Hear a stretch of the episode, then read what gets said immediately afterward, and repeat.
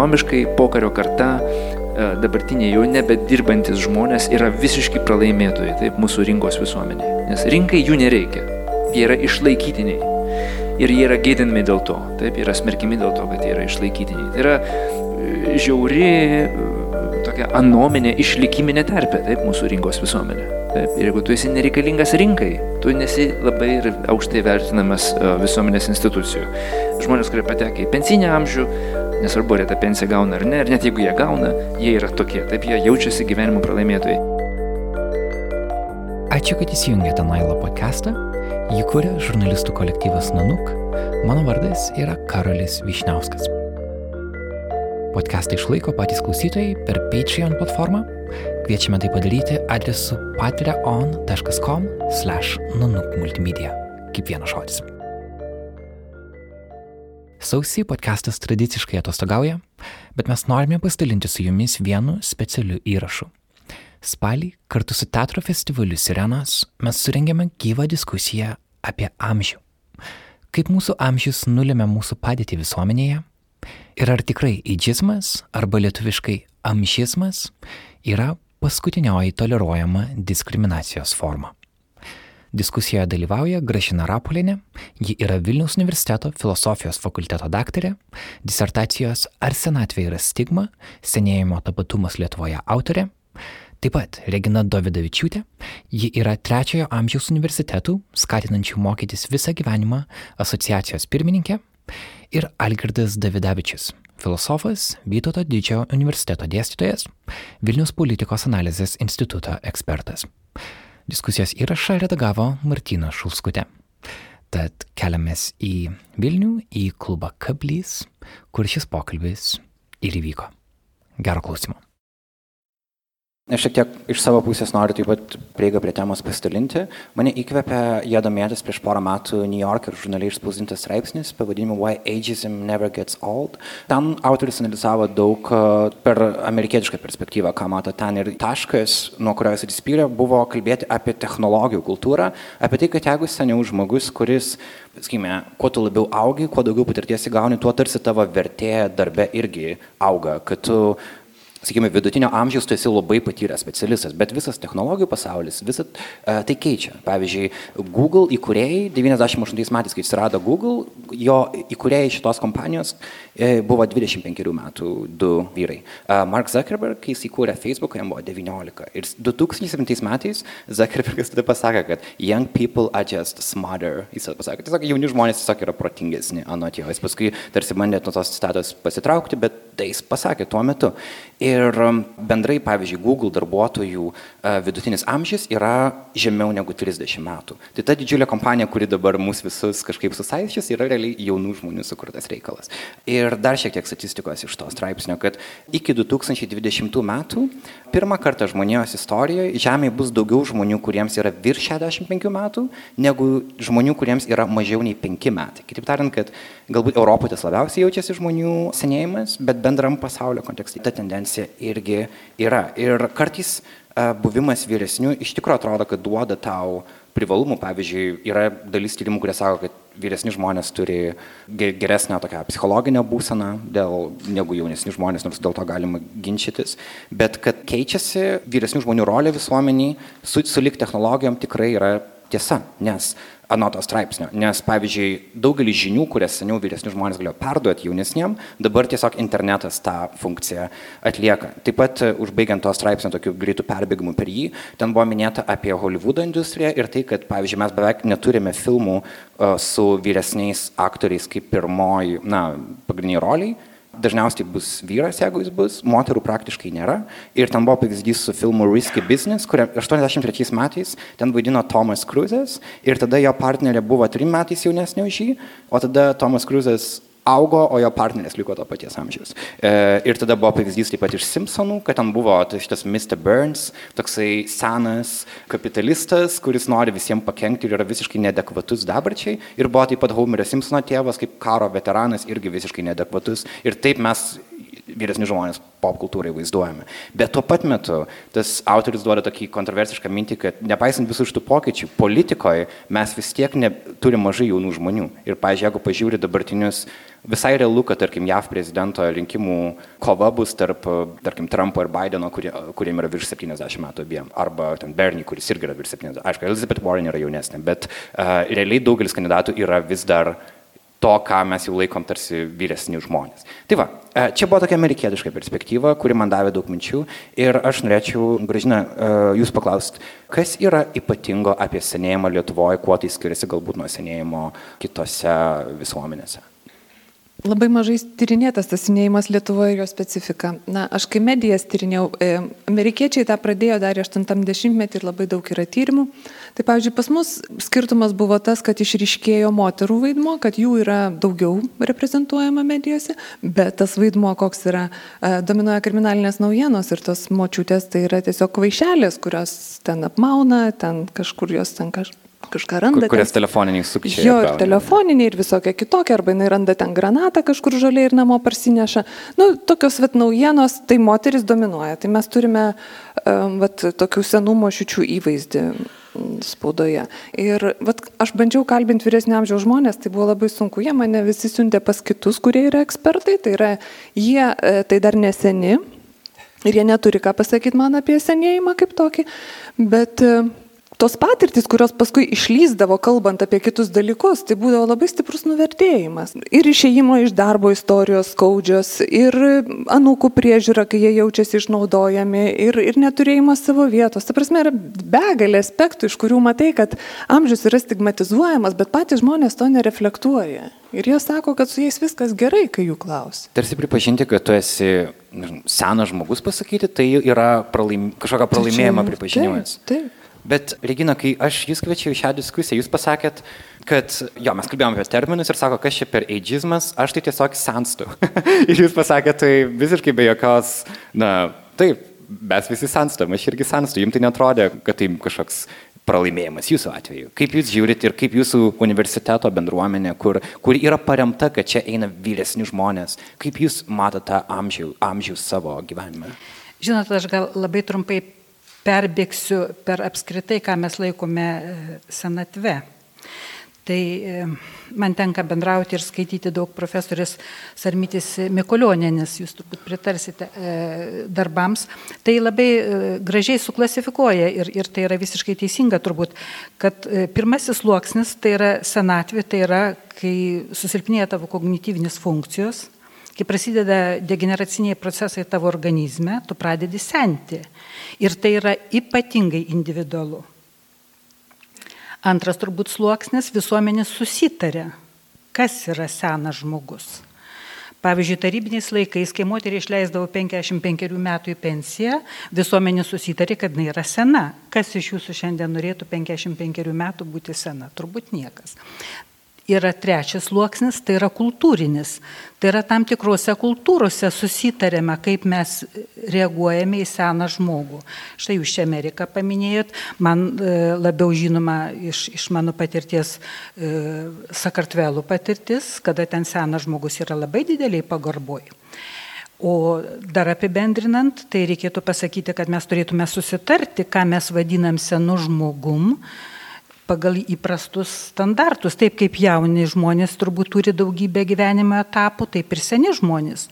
Tai žinot, kad pasaulinė sveikatos organizacija labai aiškiai pastaruoju metu suskirsti, kas yra senas žmogus. Tai yra 60-75 metų žmogus laikomas pagyvenusiu žmogum. 75-85 metų žmogus laikomas senu žmogumi.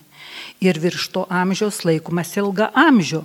Štai va tai, tai mes ir kalbėkim, ar mes kalbam apie 80 metį, ar mes kalbam apie 70 metį ar dar jaunesnį. Vienas iš klausimų, kurį aš pakviečiau Jūs pagalvoti prieš ateinant į pokalbį, yra tai, kad tarsi yra metafora viso gyvenimo, kad maždaug visas gyvenimas yra tiesiog pamažu užsidarančios durys. Ir kuo tu eini toliau, tuo daugiau tau durų užsidaro. Čia toks pesimistiškesnis požiūris. Ir man įdomu, ką padaryti, kad, kad tos durys neužsidarytų. Nes jeigu tau nuo tam tikro amžiaus tavęs nepriims į darbą, nes tu būsi per senas, nors gal tau tiesiogiai to nepasakys, bet tu tiesiog nebūsi priimtas. Jeigu tu, pavyzdžiui, esi aktorė ir tu nebegauni vaidmenų, tau užsidaro durys. Jūs turit minčių apie tai. Taip, mane ta metafora ypatingai užkabino ir aš galėčiau čia kalbėti iš savo patirties. Ir, ir, ir pirmiausia, tai norėčiau pasakyti, kad duris pačius niekada neužsiveria. Mano manimo, jas arba tu pats užveri, arba tau prieš nosį jas užtrenkia tie, kurie yra galingesni už tave. Tai va, jeigu humoro dėlė, tai pora e, briefingo pavyzdžių, kai galingesni man už, užvėrė duris. Taip, lygiai prieš dešimt metų man buvo 60 metų, tuo metu išleido žmonės į pensiją, tuo metu buvo krizė. Aš tikrai neplanavau eiti į pensiją, tikrai turėjau norų, jėgų ir galimybių dirbti. Bet man pasakė, rytoj galite neteiti, mažiname etatai, Lietuvoje krizė. Jauni žmonės nuleidė akis, jie suprato, kad jiem gėda, jie suprato, ką jie daro. Ir aš pakeltą galvą išėjau. Nors tai buvo akivaizdus eidžizmas, kaip jūs dabar sakote. Antras pavyzdys. Praeina lygiai 10 metų, man šiame 70. Lygiai po mėnesio aš gaunu mielą žinutę iš bankų. Atsiprašome už nepatogumus. Mes nepratesime jūsų kreditinės kortelės galiojimų. Įsigandau, galvoju, ką aš čia, gal skolų turiu, gal kas, gal kas į banką. Nu, žodžiu, kaip babyti, išsigandau labai. Atsidarau internetą, pasižiūriu, viskas tvarkoju, nei skolų, nei, nei, nei, nei, nei nuskaitimų, nu viskas yra tvarkoju. Tada parašau labai mandagų laišką, kad aš įtariu, kad jūs mane diskriminuojate pagal amžių. O man kreditinė kortelė reikalinga užsienio kelionė, man reikia užsisakyti viešbučius. Ne, neilgai trūkus gaunu mandagų, kaip jaunimas dabar moka labai mandagiai ten iš, išvinioti. Taip, atsakymą, kad mano tas rūpestis perduotas aukštesniem. Dar po dviejų dienų gaunu, kad mano tas rūpestis perduotas dar aukštesniem. Na ir iš paties aukščiausio aš maždaug gaunu po mėnesio, kreipkitės pakartotinai su prašymu ir mes jūsų nagrinėsime jūsų pareiškimą. Ką noriu pasakyti? Kompiuteris išmet jauniems žmonėms, kad su jais 70 metų individualiai niekas nežiūri. Ar tu gali, o mes sakėm, kad senėjimas yra individualus dalykas, ar ne? Na ir greitai trečią pavyzdį vakar, prieš einant pas jūs, kadangi kitą savaitę turiu išvažiuoti į užsienį, atsidarau e-draudimas. Galvoju, nu reikia man apsidrausti dabar kelionių draudimu. Vis kitą savaitę išvykstu. Ką jūs savo manote? Išvedu e-draudimą savo sąžiningą gimimo datą, nieko nerodo. Galvoju, gal, gal skaičiuoklis sugedus. Pamelavau mėnesį, net ne mėnesį, kelias dienas pamelavau. Akurat, 10 eurų ir mane gali apdrausti. Na ir dar vieną turiu labai rimtą, bet, bet jau čia per daug rimtą šitai publikai, tai nesakysiu. Tai, Dabar jau turit pasakyti. Na, ar teko girdėti tokią mokymusi visą gyvenimą programą? Teko turbūt, ar ne? Pats žodis mokymusi visą gyvenimą. Bet štai Eurostatas, čia jau ne Lietuva. Eurostatas renka duomenis apie neformalųjį suaugusiųjų švietimą. Ir kaip Jūs manot, koks ten yra rodiklis, kuris apsprendžia mokymusi visą gyvenimą? Tai yra besimokančių iki 64 metų amžiaus neformalus švietimas, aš nekalbu apie universitetinį išsilavinimą. Tai kas čia galingesnėji man užvėrė duris? Jie užvėrė man duris. Bet kaip minėjau, žmogui niekas negali. Vienus duris užsidaro, kitos atsidaro.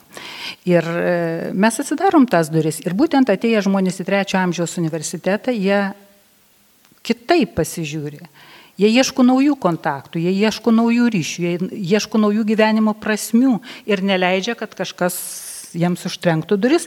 Ir dėl to tie žmonės, kurie ateina pas mus, jie yra trykštantis optimizmo, norų sužinoti ir tai palaiko jų asmeninę gyvenimo kokybę, nes pagrindinis tikslas šitam amžiui reikia koncentruoti save taip, kad kiek galima ilgiau tu išsilaikytum nepriklausomas nuo aplinkinių, nei nuo šeimos narių, nei nuo visokių seselių ar asistentų, kad tu būtum ir fiziškai pajėgus, ir morališkai, ir emociškai, ir psichiškai. Tai va to mes ir siekiame ir kviečiame tie, kas mus klauso ir dar sėdi namie pro langą ir verkia, vyresnio amžiaus žmonės, eikite į visuomenės, eikite į nevyriausybinės organizacijas, atsidarykite kitas duris, jeigu jums kažkas, jas užtrenkė prieš nosį. Dėkui, Regina. Ir aš klausydamas jūsų prisiminiau, kaip prieš kelis metus dariau interviu su Zita Kelimitskaitė. Jis yra vienas tokių pavyzdžių žmogaus Lietuvoje, kuris, nepaisant savo amžiaus, yra visiškai darantis, atrodo, tai, ką nori daryti. Ir man buvo įdomi jos nuomonė apie šitos klausimus. Ir ji pasakė, leiskit pacituoti. Manau, kad mūsų vyresni žmonės patys pasirenka būti, kabutėse, seniais. Tada jie tokiais ir tampa. Jų nuo 60 metų jie tik, kabutėse, čiūži, čiūži, čiūžinėja. Kaip tuo tarpu daug kur pasaulyje žmonės nuo 60 pradeda kitą karjerą, imasi to, ko anksčiau niekada nedarė, bet norėjo daryti. Juk su lik 60-ojo jubiliejumi niekas tau nenukerta nei rankų, nei kojų. Bet mūsiškiams atrodo, kad ties šiuo amžiumi reikia užbrėžti brūkšnį. Žmonės netenka gyvenimo geismo. Tai yra labai baisus dalykas. Citatos pabaiga. Ir dalis mane supranta šitą ką jis sako, bet dalis galvoja, kad, o kiek iš tikrųjų tai kaip žmogus vienas esi individualus, ar ne? Jeigu, pavyzdžiui, tu gyveni iš pensijos Lietuvoje, tai be pigų tau skait pradėk naują karjerą ir pradėk keliauti ir pradėk naują laisvą gyvenimą. Ir, nežinau, gal gražinat ir jūsų nuomonė įdomi, kiek realiai Lietuvoje žmonės vyresni yra laisvi gyventi, o kiek jie tampa priklausomi nuo sistemos ir tada iš jaunų žmonių ateina tas įspūdis, kad tai dabar mes čia turim juos visus išlaikyti ir pensijam tenka didžiulė biudžeto dalis ir tada atsiranda dar didesnis supriešinimas tarp kartų. Kiek realiai vyresnis žmogus yra individualus, o kiek jis turi būti nuo visuomenės priklausomas? Na, čia daug aspektų, čia labai plati tema yra. Bet tarkim, vien, jeigu įman tą pensininkų kaip naštos temą, tai yra tie, tie priešiški kaltinimai, kad jeigu jie yra darbo vietose, tai jie užima vietas ir neįleidžia jaunesnių ateiti į darbo rinką. Jeigu jie išeina, jie tampa išlaikytiniai. Tai ką jie gali daryti, kad būtų tinkami ir toleruojami? Ne? Tai čia paprastai, kai yra diskriminacinis elgesys, jisai turi va, tuos va, du aspektus. Tas pats yra taikoma, tarkim, moterims, kurios yra atseit laisvo elgesio, nes jų iškirptis per ilgos asijonai per trumpi pačios prisiprašo, ne? Ir taip toliau. Tai čia labai ilgai būtų galima to užsimti.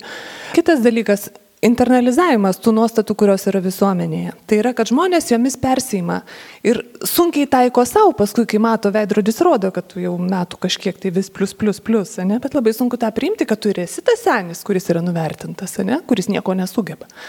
Bet kai prie to prieiname, stereotipai amžiaus yra įsisavinami maždaug iki penkerių metų. Psichologų tyrimai rodo, kad penkių metų vaikas yra puikiai išmananti situaciją, kas yra senas, koks jis yra, koks jis bus, koks jis nebus ir taip toliau. Ir visą amžių kaupiami tie stereotipai ir jie visiškai nekvestionuojami, nes nei 5, nei 15, nei 25 tu esi tikras, kad nesi senas.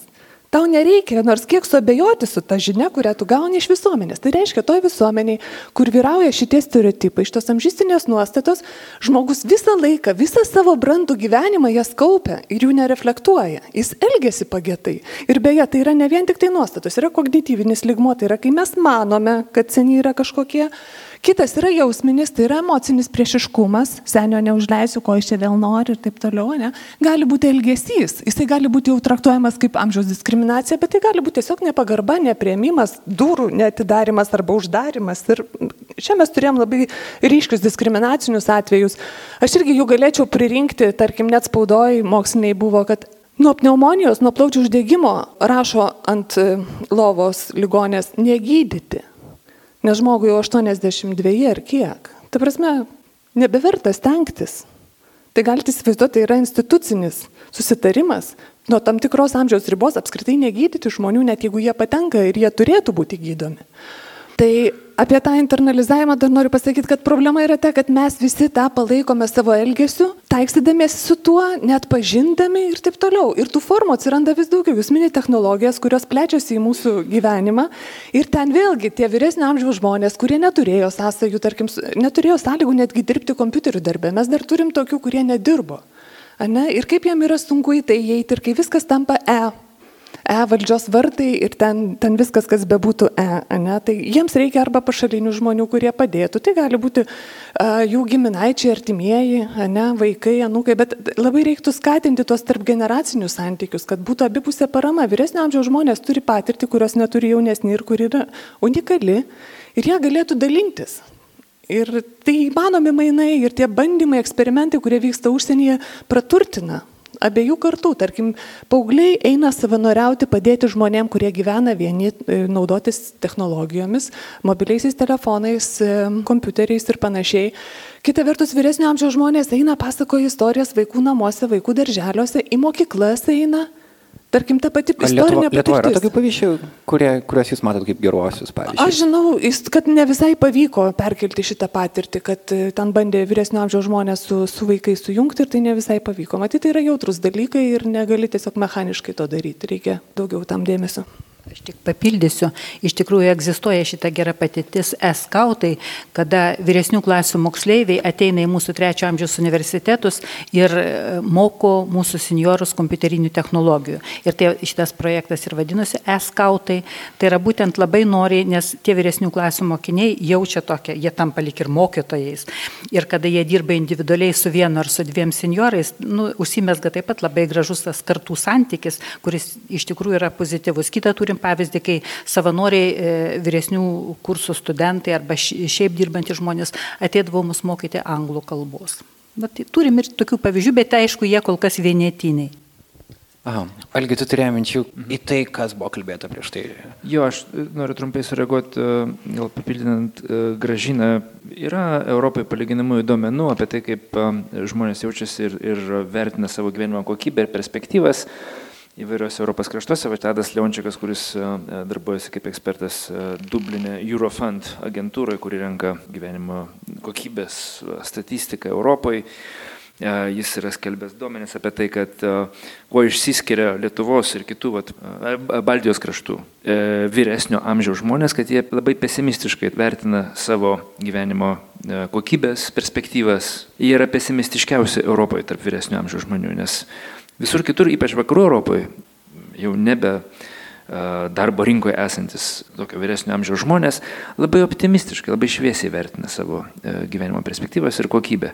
Priešingai, jaunimas e, vakaruose, ypač pietų Europoje, žymiai pesimistiškesni dėl savo gyvenimo perspektyvų. Jie patiria nedarbą, sunku planuoti gyvenimą ir panašiai, panašiai. Čia visiškai atvirkščiai. Taip, jaunimas yra optimistiškas, jisai pilnas vilčių. Pažiūrėkime, čia irgi susirinko svarstyti apie vyresnį amžių e, jauni žmonės. E, Jiems yra mislė, kas su tais seniais iš tikrųjų darosi, ar ne? Bet nėra, nėra žmonių, kurie galėtų savo, savo amžiumi ką nors paliudyti labiau. Ir dėl ko toks skirtumas yra? Aš manau, kad vienas iš tokių paprastų paaiškinimų yra, kad uh, E, mūsų pokario kartai, žmonėms, kurie gimė 40-ųjų pabaigoje, 50-aisiais metais, dabar kuriems yra 60, 70, 80 metų, jiems teko patirti gyvenime žymiai daugiau visus gyvenimo planus, gyvenimo vertybės, santykius su ardančios kaitos. Taip? Ir tokia kaita visi sociologai ir antropologai sutinka, jinai labai prastai veikia savo gyvenimo vertinimą, prisitaikymą prie e, galų gale, prie tos daugybinės kartos ir panašiai ir panašiai. Tai tam tikrą prasme mūsų vyresnė karta yra e, istorijos sužeisti žmonės kolektyviai. Taip, nes jiems viena vertus teko gimti ir gyventi represiniam režime, kuris tikrai nebuvo laisvas ir kuris skatino nepasitikėjimą net artimaisiais. Taip, ir to nepasitikėjimo mes irgi dabar matuojam labai daug, ypač vyresnė kartoji. Taip, pas- nepasitikėjimas svetimu Lietuvoje yra vienas iš didžiausių Europos Sąjungoje, ypač kontrastė su Skandinavija. Ir kita vertus, ekonomiškai tai nėra joks saugumas gyvenime, ne, kaip girdėjome iš pavyzdžių. Taip, e, ekonomiškai pokario karta e, dabartiniai jau nebedirbantis žmonės yra visiškai pralaimėtojai, taip, mūsų rinkos visuomeniai. Nes rinkai jų nereikia. Jie yra išlaikytiniai. Ir jie yra gėdinami dėl to. Taip, yra smerkimi dėl to, kad jie yra išlaikytiniai. Tai yra e, žiauri e, tokia anominė išlikiminė terpė, taip, mūsų rinkos visuomenė. Taip, ir jeigu tu esi nereikalingas rinkai, tu nesi labai aukštai vertinamas e, visuomenės institucijų. Žmonės, kurie patekė į pensinį amžių, nesvarbu, ar jie tą pensiją gauna ar ne, ir net jeigu jie gauna, jie yra tokie, taip jie jaučiasi gyvenimo pralaimėtojai.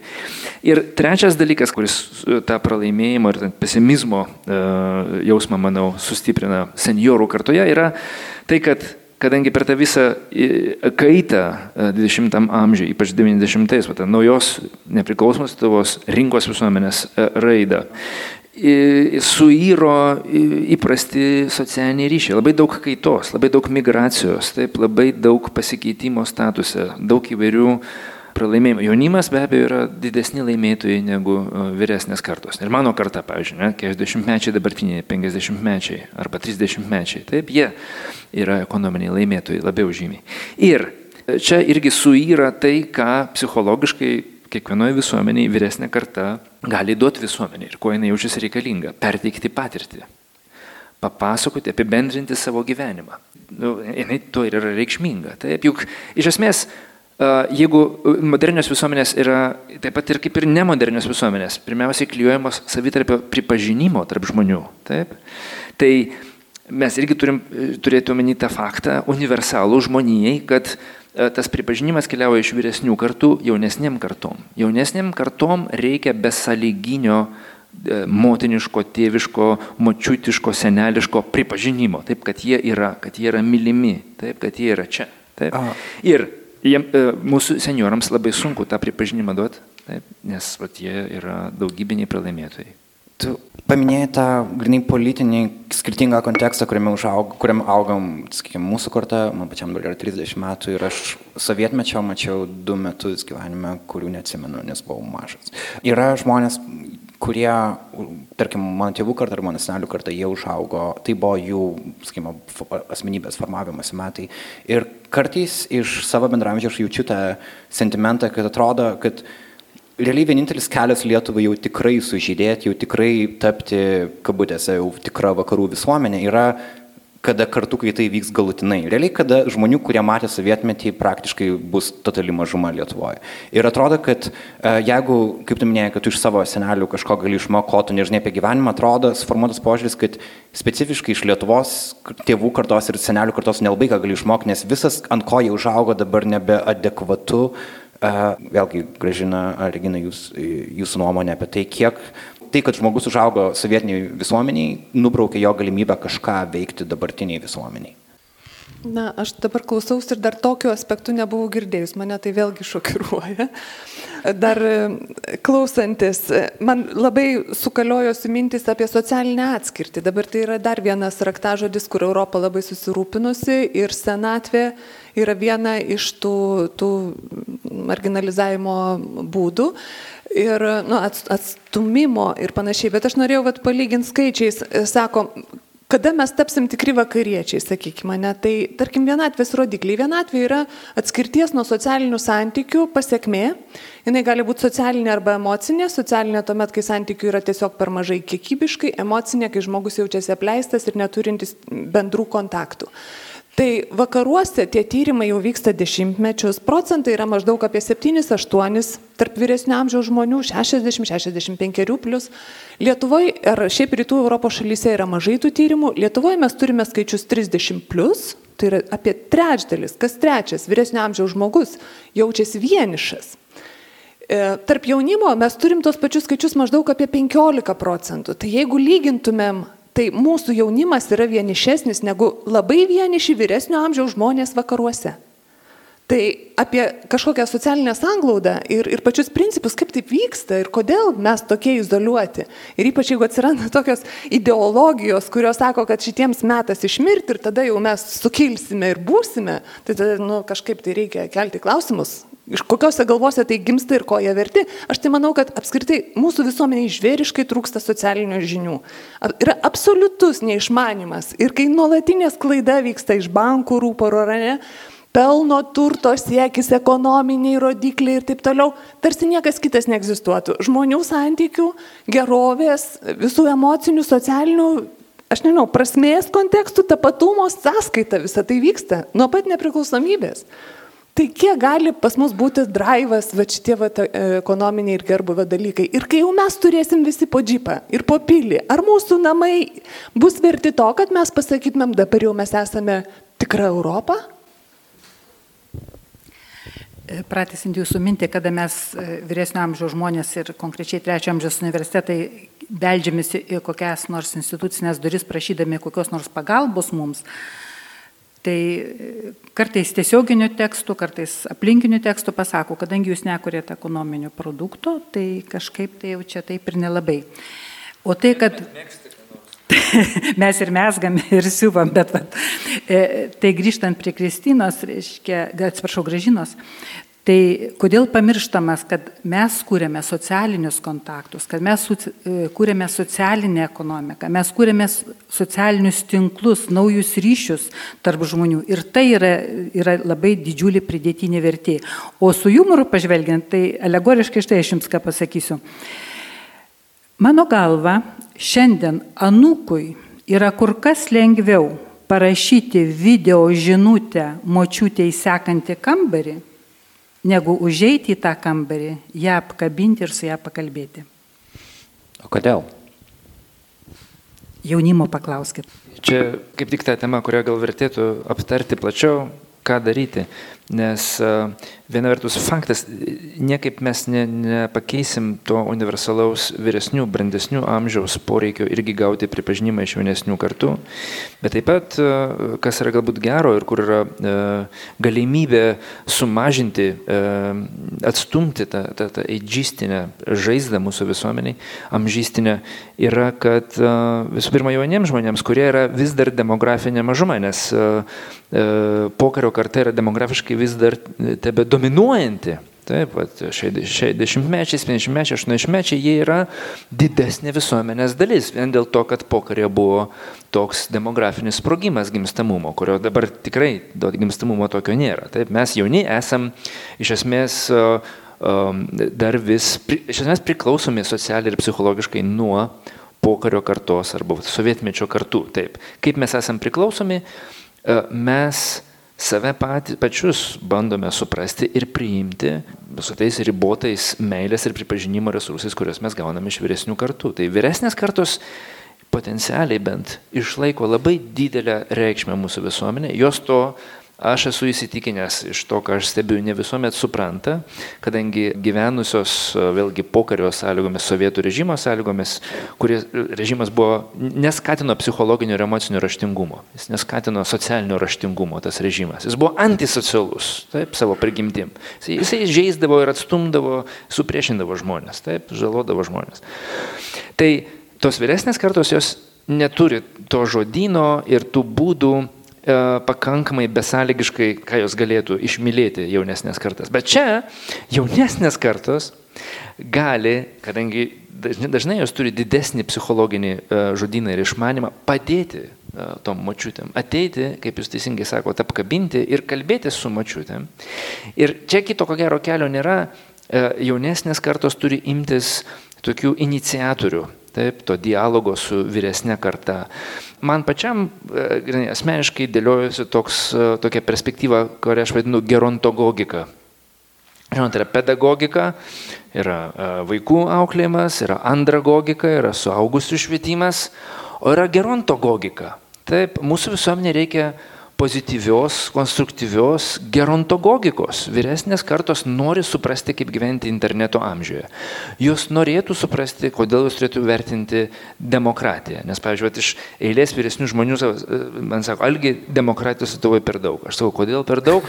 Sako, visi mėto šiukšlės ir stato mašinas kaip nori. Aš sutinku su to, ką sakai. Kita vertus, tai reikalauja, kad e, tam tikro tokio apsivertimo uh, galios netgi pozicijas. Ar ne, kad jeigu tu būdamas, gerai, aš būdamas 30 dar pradėsiu savo, ten, žinai, tevam arba seneliam sakyti, o iš tikrųjų, žinokit, e, yra taip. Psichologija veikia taip, visuomenė dabar veikia taip. Ar jie tikrai norės manęs klausyti? Aš nežinau. Aš, nes kad tu kažko išmoktum, turi perėti tą poziciją, kad a, šitas žmogus, jis yra už mane jaunesnis, bet jis mane gali kažko išmokyti. Ir aš manau, kartais galbūt patiems uh, vyresniems žmonėms sunku per tai perlipti ir bū, atsidurti tą mok, mokinio poziciją. Bet, uh, Taip, bet čia yra mano kaip... Čia mūsų yra, požiūris. manau, išmonės tuomet jau dalykas ir mūsų pačių brandos dalykas, mūsų, kurie yra mm, jau, nu, aš, aš priskiriu save dar vis sovietų, paskutiniai sovietų kartai, ne, man buvo 18, kai Sovietų sąjunga sužlugo. Uh, Aš augau su karo karta, kaip seneliais, taip. E, e, man pažįstamas šitas sovietų socialinis pasaulis. E, tai aš galiu pasakyti, kad žmonės nenori būti dezorientuoti ir nepriimami ir nemylimi. Ir vyresni žmonės irgi, lygiai dar daugiau, jie nenori būti vieniši. Taip, jie nori būti kontakte, jie nori būti pripažįstami. Ir čia yra atviros duris, nėra čia uh, uždarų durų šitoje vietoje. Uh, esmė tik tai yra, kad uh, mes turim išmokti kalbėti Ir čia mano karta gal gali būti tokie kaip tarpininkai, taip, tarp dabartinių millennialsų, kurie jau yra uh, digital natives, kaip sako sociologai, taip ir tos sovietinės analoginės, uh, analoginių tų kartų, aš irgi esu dar analoginė karta iš esmės, taip.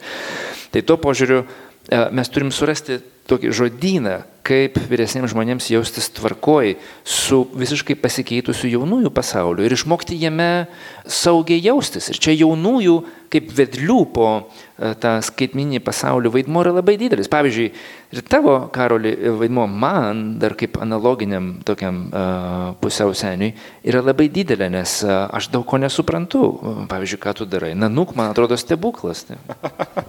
Ačiū. Um, Regina, iš jūsų patirties iš trečio amžiaus universiteto, trečio, trečio amžiaus universiteto paskaitos, jeigu aš teisingai suprantu, vyksta taip, kad jūs susirinkat ir ateina kažkoks uh, žmogus kalbėti tema, kuriais tas žmogus yra profesionalas tas temas. Ir įsivaizduoju, kad dažnai tai yra tas atvejis, apie ką kalbėjau, seniau, kad jaunesnis žmogus kalba jūsų bendruomeniai e, ir perduoda savo patirtį. Ar per tai reikia perlipti, ar, ar, ar aš čia tik įsigalvoju, kad yra tokia problema? Žinot, gyvenime nėra vien juoda ir balta. Yra labai daug tarpinių atspalvių.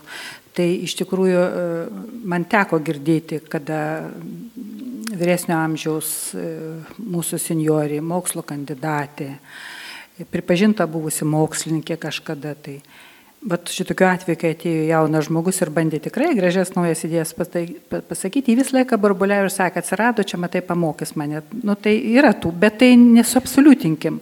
Nesuabsoliutinkim. O šiaip į trečio amžiaus universitetą prisikviesti lektorių nėra taip paprasta, nes mes esame nevyriausybinė organizacija, kuri lektoriams apmokėti negali. Todėl labai aukštos kvalifikacijos lektoriai pas mus nenori ateiti savanoriauti ir, ir uždyką skaityti paskaito. Tam mielai daro vyresnieji mokslininkai, kurie jau taip pat yra emeritai ir, ir baigia savo darbinę karjerą. Bet dar kuo išsiskiria paskaitos mūsų universitetuose. Kadangi, kaip čia ir vat, minėjot, žmonės ateina su savo gyvenimiška patirtim ir profesinė, ir gyvenimiška, ir visokia kitokia patirtim. Tai neretai, reiškia, mes vienu atveju tampame patys lektoriai, kitu atveju tampame klausytojais. Tai yra ir vyksta tas keitimasis nuomonėm, ypatingai, kada mes grupelėmis dirbam, kada vyksta grupiniai kokie tai užsieimimai. Bet be jokios abejonės ateina aukštos kvalifikacijos e, žmonės.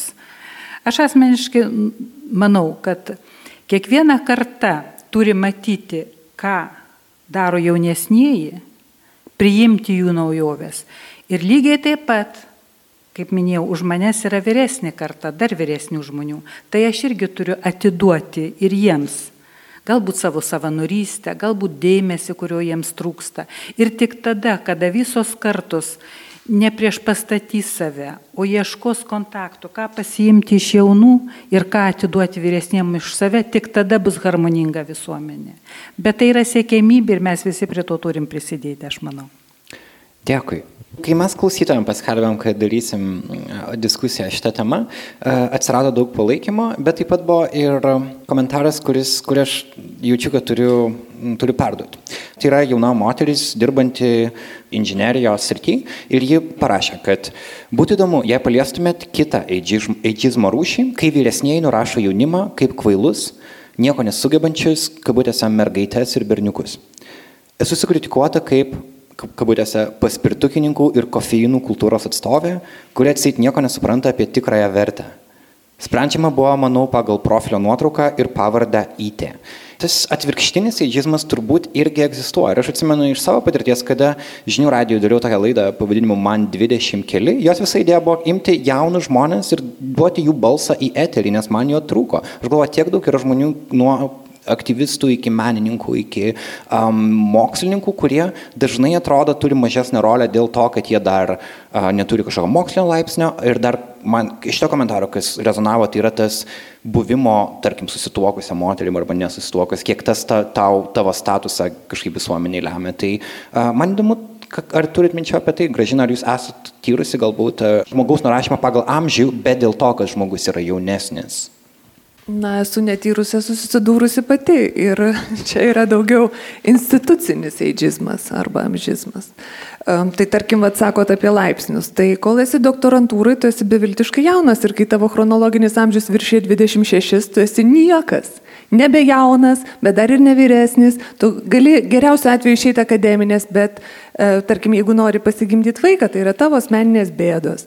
Tai dėl tų pavardžių irgi, kad moteris ėmė keisti į tą latvišką darybą, na, tai matyt, dėl to, kad praktika yra tokia, kad nėra labai jauku būti 30 įte, aite ir, ir panašiai.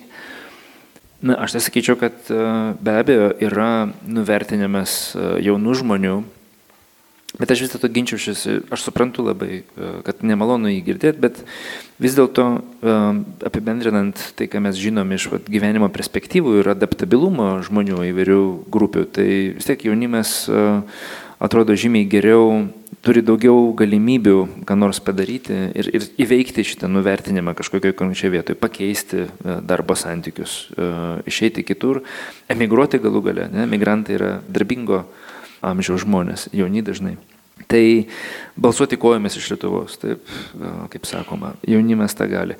E, ir to požiūriu tai daugiau yra atspindis to, kad apskritai mūsų e, visuomeniai, mūsų viešojo kultūroje labai daug yra vienas kito nuvertinimo pagal įvairius e, požymis. Čia yra esminė problema, kuri irgi sutampa su to paveldėtų istoriniu nepasitikėjimu vienas kitu, svetimu, nepasitikėjimo institucijomis, taip, nepasitikėjimo demokratija, apskritai kaip a, principų sistema, kaip galimybė. Ne, nu, ta demokratija vis tiek neveiks, vis tiek tik kitos rankos reikia, svetimas išdurs, savas netgi išdurs, taip ir panašiai, panašiai. E, tai čia reikėtų kalbėti apie tą apibendrintą nepasitikėjimą ir apibendrintą nepagarbą e, žmogaus teisėms, apibendrintą nepagarbą žmogui kaip problemą besąlyginio, tiesioginio, palankaus viens kito prieimimo kultūros trūkumą. Ir va, tai yra reali problema. Sutinku, bet aš galvoju apie sprendimo būdus. Kartais maži dalykai gali padaryti visai didelį pokytį. Ir pavyzdžiui, jeigu kalbant apie prieimimą į darbą, tarkim dabar, kai tu siunti savo CV, yra visiškai natūralu nesiųsti savo fotografijos. Yra natūralu nerašyti ten savo, nežinau, religijos, nerašyti, pavyzdžiui, rasės. Bet rašyti amžių yra natūralu.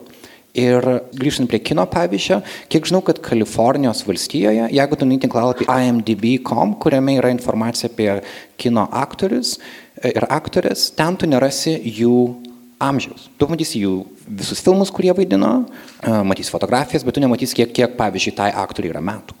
Nes e, čia specifiškai Hollywoodė yra labai tau daug durų uždaro nuo tam tikro amžiaus. Ir galvoju, o jeigu yra būtų priimama į darbą tokiu principu, kad tu nerašai, kiek tau yra metų Kodėl tai yra būtina? Kodėl, gal tai yra tiesiog norma, kurios mes kažkaip laikomės inertiškai, gal mums jos visiškai nereikia? Vokiečių lygių galimybių kontrolieriai siūlo tą daryti, bet įsivaizduokit praktiškai, jeigu gauni dviejų puslapių CV ir gauni 24 puslapių CV, ką duoda tai, kad metai nepažymėti? Bet Gerai, gauni 24 puslapių CV, bet tada ar skirtumas ar tau bus 50 ar 65? Tu po 35 Taip. Aš noriu šitą klausimą dar irgi kontekstualizuoti. Okay. Kaip tik e, vakar e, kino pasakoj, e, nepatogaus kino programos metu turėjom diskusiją apie dirbtinio proto plėtrą ir tokią problemą kaip technologinis nedarbas. Tai neužilgo daugumoje visuomenių, skaitant Lietuvos, bus problema, kur labai darbingo amžiaus žmonių, taip, kurie dar visai yra darbingi ir turi tos, kaip nežinau, turėtų patrauklius anksčiau CV, gali likti be darbo dėl objektyvių priežasčių, taip, nes jos pakeis kažkokios algoritmizuotos, mechanizuotos, automatizuotos rutinos. Taip. Pavyzdžiui, buhalteriai, ten kasininkai, daugybė dalykų, ar ne?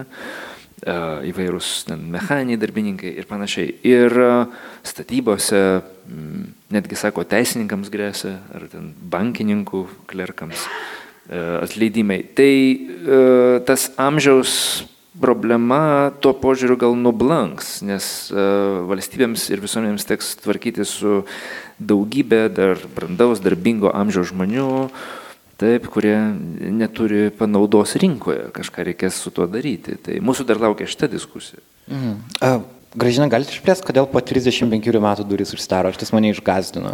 Aš ir manau, visus čia sėdinčius žmonės. Pagaliau ir jūs palėtėte asmeniškai. Šiaip jau aš esu lengvai kalbu, tarsi papasakot vadov- apie jūsų pasaulį. Vadovavau bakalauriniam darbui ir mergina tyrė um, diskriminavimą darbo rinkoje. Ir jinai kalbino žmonės. Ir vienas iš bedarbių buvo kaip tik žmogus dirbęs personalo atrankoje. Ir sakė, nurodymas buvo labai aiškus. CV, kur yra daugiau nei 35, iškart išmetami, net nepradėjus žiūrėti, apie ką ten eina kalba. Tai yra nuo 35 žmogus yra nurašytas darbo rinkoje. Ne, bet tai jau yra pažeidimas darbo Taip. teisės. Taip. Bet Bet kas ateis ir patikrins, dar lieka 15 kandidatų rinkis, reikia vieno. gerai, o kodėl taip yra? Iš kokia logika už to, kad žmogus nustoja tobulėti nuo 35 metų? Nu, taigi reikia jaunų, energingų, žvalių, gražių. O gal reikia jaunų, kurie dar nėra labai, kuriuos dar gali taip paminkyti ir pakreipti reikiamą kryptimį? Taip, išspausti kaip citriną ir paskui išmesti, pavyzdžiui, irgi labai patogu. Aš manau- Norės mažos algos, džiaugsis dirbdami. Taip, aš pritarčiau gražinai. E, Jauni žmonės dirba šiais laikais žymiai prastesnėmis ir nesaugesnėmis kontraktinėmis sąlygomis arba iš vis be kontraktų, palyginti su um, vyresnių kartų darbo patirtimi. Ir, nes jie sutinka su tuo. E, Jų yra demografiškai nedaug, e, tai nėra didelė masė gyventojų ir jie nėra vieningi. Jauni žmonės e, nepripažįsta profesinių sąjungų kaip gynimuose darbo santykiuose instrumentų, jiems tai atrodo sovietinė atgyvena, nors tai yra normalus demokratinis e, mechanizmas ginti savo teisės. Jie visi po vieną bando spręsti tos dalykus ir po vieną jaunų žmonės be organizacinės patirties, be užnugario jokio, be, be ryšiai Lietuvoje, taip, nepotistiniai ryšiai labai daug lemia darbo karjeroje, taip, ir statuse. Taip, jauni žmonės kaip taisyklė, nu, jeigu jie nėra kieno nors giminės ar sūnus, ar draugai, ar, ar dukros, taip, jie yra e, bejėgiai to požiūriu. Paskutinis klausimas, kurį aš noriu paliesti, e, yra apie tai, kad galbūt kartų konfliktas visuomenė yra neišvengiamas ir jis veikia kaip varomoji jėga kažkokiem geresniem pokyčiam. Pavyzdžiui, a, stebint dabartinį klimato aktyvizmą, ne, galima sakyti, kad visas Fridays for Future judėjimas yra irgi džistinis, ar ne? Jie, pa- jie gan tiesmukai sako, kad jūs maždaug baby boomeriai pavogėt, pavogėt mūsų ateitį, jūs išnaudojat resursų ir dar mes turim tvarkytis. Tai yra labai tas mes versus jie, tai mes esam jauni, e, realiai dar moksleiviai, o jūs esat turtingi resursus sueikvoja e, vyresniai žmonės. Ir einant prie lietuviško konteksto, be abejo, klimatos, klimato kontekstas irgi yra lietuviškas, bet tokio grinai specifiškai lietuviško, pavyzdžiui, galvojant iš savo paties perspektyvos, aš uh, matau, kaip pats bandau aukti ir kaip žmonės mano amžiaus aplink mane, jie uh, dažnai tu nori kažką sukurti kitaip negu darė tavo tėvai. Ir tai yra tavo varomoji jėga. Pavyzdžiui, specifiškai galbūt toks buvimo vyrų Lietuvoje pavyzdys yra, jeigu tu pažiūri vyrų kartą mūsų, mano tėvų kartos, jie beveik visi perėjo per sovietinės armijos taisyklės ir tai dažnam buvo nebegražinamas atgal patirtis dėl visos hierarchijos, dėl e, tokios patyčių kultūros ir panašiai. Tai jeigu tu nori to atmokti, tu turi tu turi matyti tą kartų prieš priešą. Tu gali, tu maždaug supranti, iš kur tai ateina, bet tu turi norėti, kad, aha, aš nenoriu būti kaip jie. Aš noriu daryti geriau. Ir gal tai yra neišvengiamas žmonijos kažkokio judėjimo į priekį rodiklis. Ir kad ir kiek mes norėtumėm visi gražiai sugyventi, tas kažkokia trintis yra būtina vardan judėjimo į priekį. Ir čia gal tiesiog tos trinties, mes kalbam visą labą apie tos trinties suvaldymą,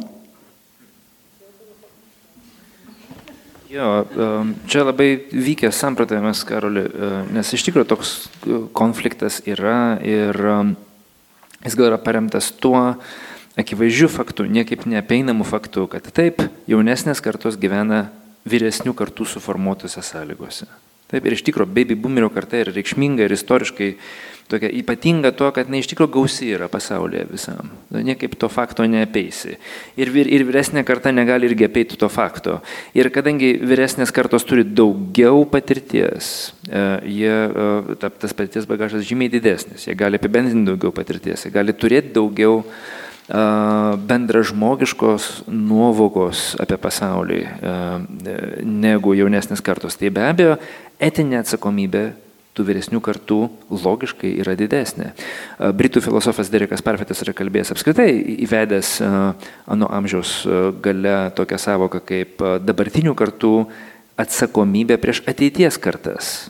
Šnekant tame tarp ir apie ekologijos problemas. Taip, mes esame atsakingi už dar negimusias kartas dabar gyvenantis, taip kadangi mes galim tiesiai kažką paveikti. Jeigu aš turiu daugiau patirties, jeigu aš galiu, jeigu nuo mano meilės ar nemailės priklauso jaunesnio žmogaus savijauta, taip, ir aš žinau tą, taip, jisai priklausomas nuo mano vertinimo yra.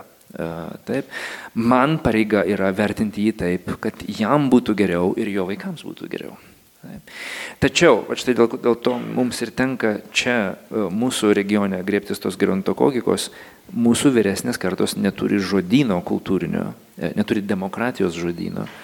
Ir jiems kažkaip tą reikia padėti dar įgyti. Nes iš tikrųjų, šiolaikinė medicina, šiolaikinis mokslas, dėl ko mes apskritai apie tai išnekam, mes dar nepalėtėm tos problemos, prailgina mūsų gyvenimą. Taip, šimtą metų atgal uh, tokių kartų skirtumų ir, ir kartų konfliktų problemų nebuvo, taip, nes žmonės baigdavo daugmaž ties 40 mečių savo aktyvę karjerą ir daugmaž dėl natūralių lygų ir susirgymų 50-60 metų jau mirdavo. Taip. Bet dabar mes gyvenam 70, 80, 90, 100 metų. Taip. Ir to likusio gyvenimo taip, dalies socializacijos, taip įjungimo visuomenė problema yra bendra žmogiška, tačiau jinai nėra, ne, negula vien tik tai ant jaunesnių žmonių pečių. Jinai gula, aš esu vidutinio amžiaus ir aš jaučiu atsakomybę prieš savo vaiką, kuris irgi čia sėdi šito auditorijoje. Ką aš jam paliksiu? Taip. Jisai turi iš manęs gauti besąlyginę meilę, ne atvirkščiai, ne aš iš jo. Taip, nes jisai gyvena mano sukurtose sąlygose. Tai yra mano etinė atsakomybė. Aš žinau, iš daugybės asmeninių bandymų, kad labai sunku apie tai kalbėti su mūsų vyresnė karta, vyresniais už mane žmonėmis, mano tėvų karta, tai mano tėvai gimė 40 pabaigoje 50-ais, nes jiems tą sunku įsisavinti, jie, jie gyveno kitomis uh, savokomis. Bet aš negaliu nebandyti, taip, nes mes matom, su kokiamis problemomis mes susidurėm. Jeigu mes to nedarysim, to dialogo nevykdysim, tos etinės atsakomybės vienas prieš kitą neprisimsim, ypač vyresni prieš jaunesnius, Mes galim užmiršti bet kokias ten, nežinau, Elono Masko svajonės apie skrydžius į Marsą arba ten, aš nežinau, Sąjungos vienimas ir panašiai. Tai, tai daug nieko nereikš. Apie, apie tos kartų santykius. Man labai suskambėjo vat, ir tavo, Karoli, tas sakymas atmokti. A, tai yra, aš jaučiu, kad ir mūsų, aš vat, turbūt esu šiek tiek jaunesnė, bet dar vėlgi toj pačioj kartoj, ta emocinio sužeidimo, tam tikro na, nemokėjimo ankstesnių kartų ar neturėjimo sąlygų, mes buvom tokiuose, to, sovietmetis taip, totalitarinė visuomenė taip formavo, kad na, nebuvo ga, e, sąlygų emociškai e, vystytis. Ne? Ir, ir yra sužeistos kartos. Iš tikrųjų, daryti geriau negu tėvai, kodėl būtinai negu tėvai, tu darai, ką gali geriausiai pats, su nieko nesilygindamas. Ir, ir Tai vyks savirealizacija, ne? Nebūtina sakyti, kad geriau už tėvą arba geriau už mamą, ne? Bet tai va, aš galvoju, kiek laiko ta karta išlieka vaikais. Na, mes jau suaugę, subrendę ir jau atsakingi patys už save ir už mūsų santykius, iš savo pusės, už mūsų santykius su vyresniaisiais, su mūsų tėvais ir seneliais, kol jie gyvi. Ane? Tai kiekvienas turi prisimti savo atsakomybės dalį, taip gaunasi, ir pagal savo gebėjimus. Jeigu vyresnieji emociškai nebuvo tiek išprūsę, jie neturėjo tam sąlygų, tai to turi imtis jaunimas. Ir vad, kai kalbėjome apie tas tarp generacinės praktikas, eksperimentus, tai jie irgi rodo, kad jaunimui tai yra naudinga e, savivertės didinimu. Tai, tai prisideda prie jų psichologinės raidos bendravimas su vyresnėmis kartomis. O apie kartų konfliktą sociologiniai tyrimai, kurie bandė jo ieškoti empiriškai, netaip ir labai randa šeimose, sakykime, mažose tose grupėse jis nėra toks ryškus. Jeigu įma makro lygmenį, e, galbūt jau, jau šiek tiek, bet klausimas, kiek tai yra išgalvotas konstruktas, kiek jis iš tikrųjų veikia. Dar kita studija, kuri irgi apie tos išteklių paskirstimus buvo labai įdomi, Europoje analizavo ir, ir išvada e, socialinės politikos toksai tyriamasis darbas ir jisai parodė, kad e, pensijos tai yra išmokos vyresnio amžiaus žmonėm pensijų pavydalų, pašalpų, medicininių paslaugų ir taip toliau, e, dydžiais gerokai yra reikšmingesnės negu išmokos vaikams. Bet kai pamatuoja neformalius srautus, kaip tarp senelių laikas skiriamas vaikams, finansai, žodžiu, kai įsijungia tos trys kartos - tėvai, seneliai ir vaikai, e, vaikai yra absoliutus gavėjai. Ir po šiai dienai, ne? Tai, tai klausimas tada iš socialinės politikos pozicijų, kodėl valstybės yra taip formuojamos, kad finansai nukreipiami į vyriausią kartą, bet realiai jie paskui persigirstomi iki to, kad gauna jaunimas ir vaikai. Ir kita vertus, dar man čia paraleliai kita mintis buvo klausantis, sakot, na, anos kartos, baby boomeriai, karas, pokaris, e, nepalankios sąlygos ir taip toliau. Bet reikia neužmiršti, kad šitų kartų dėka dabartinis jaunimas turėjo kur kas geresnės sąlygas. Tai yra tai, kad jie dabar uh, turi visas sąlygas plėtotis, rūpintis savo hobiais, kelionėmis, emigruoti, balsuoti kojomis ir taip toliau. Viskas yra sukurta ankstesnių kartų dėka.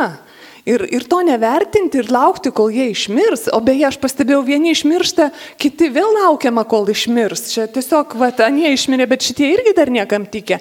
O tarkim, tokia įdingas elgesys kaip korupcija, jisai išmokstamas, perimimas ir jaunimas labai sėkmingai taiko toj pačiai medicinėje sistemoje, ne? Tai ko mes lauksim, taip kol patys nepradėsim keistis, tai niekas nepasikeis. Dėkui. Regina, paskutinis jūsų žodis. Ir... Tai aš noriu dabar optimistiškai pabaigti. E, man atrodo, daugelis šitų dalykų galėtų truputėlį visuomenės nuomonę formuoti socialinė reklama, kurios, aišku, sunku matyti, nes vėlgi finansai turbūt yra, bet pavyzdžiui, komercinė reklama, kurį aš paskutinį kartą mačiau, tai man labai suteikė tokio žavesio. Einu per prospektą ir žiūriu ant didžiulio to reklaminio skydo tokia reklama. Gero paltų turi būti daug. Ir jį demonstruoja labai brandaus amžiaus moteris. Nu galvoju, nu pagaliau keičiasi kažkas, kaip jūs sakėt, ne vien jau čia mes tokie sugriuvę. Tai va toks mano optimizmas. Ačiū Jums už jį. Ir aš labai džiaugiuosi, kad šitą pokalbį mes pradėjom ir lais tęsiasi. Ačiū Sirenams už erdvę ir visiems organizatoriam už, visiems jums už tai, kad atėjote irgi ir gyvai išgirdot. Dėkui.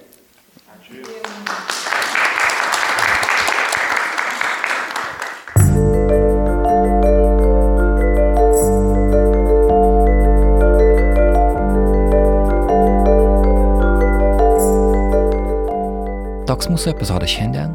Ačiū, kad buvote kartu. Kokių minčių sukėlė šis įrašas? Ką reikėtų daryti, kad amžius mūsų visuomenėje netaptų nuosprendžiu? Parašykite savo mintis į info.nanuk.lt arba pasidalinkite jomis Nanuk Facebook'e arba Instagram'e. Taip pat pamatykite diskusijos dalyvių fotografijas NailLT ir Nanuk Instagram'e. Jų autorė yra Severina Venskutė. Podcasto muzikos kompozitorius yra Martinas Gailius. Studijinį balsą įrašinėjome nacionalinės Martino Mašvito bibliotekos garso įrašų studijoje. Garso režisierė yra Katažina Bitoft. Nailo podcastas pilnu tempu grįž vasario mėnesį. Iki tol kviečiame toliau palaikyti mūsų darbą adresu patreon.com/nunukmultimedia. Ačiū tiems, kurie tai darote net tada, kai mes atostogaujame. Tai reiškia labai, labai daug. Nailo podcastą kuria žurnalistų kolektyvas Nanuk. Mano vardas yra Karolis Višnauskas, aš esu podcasto redaktorius ir vedėjas. Greitai susitiksime, iki kol kas. thank you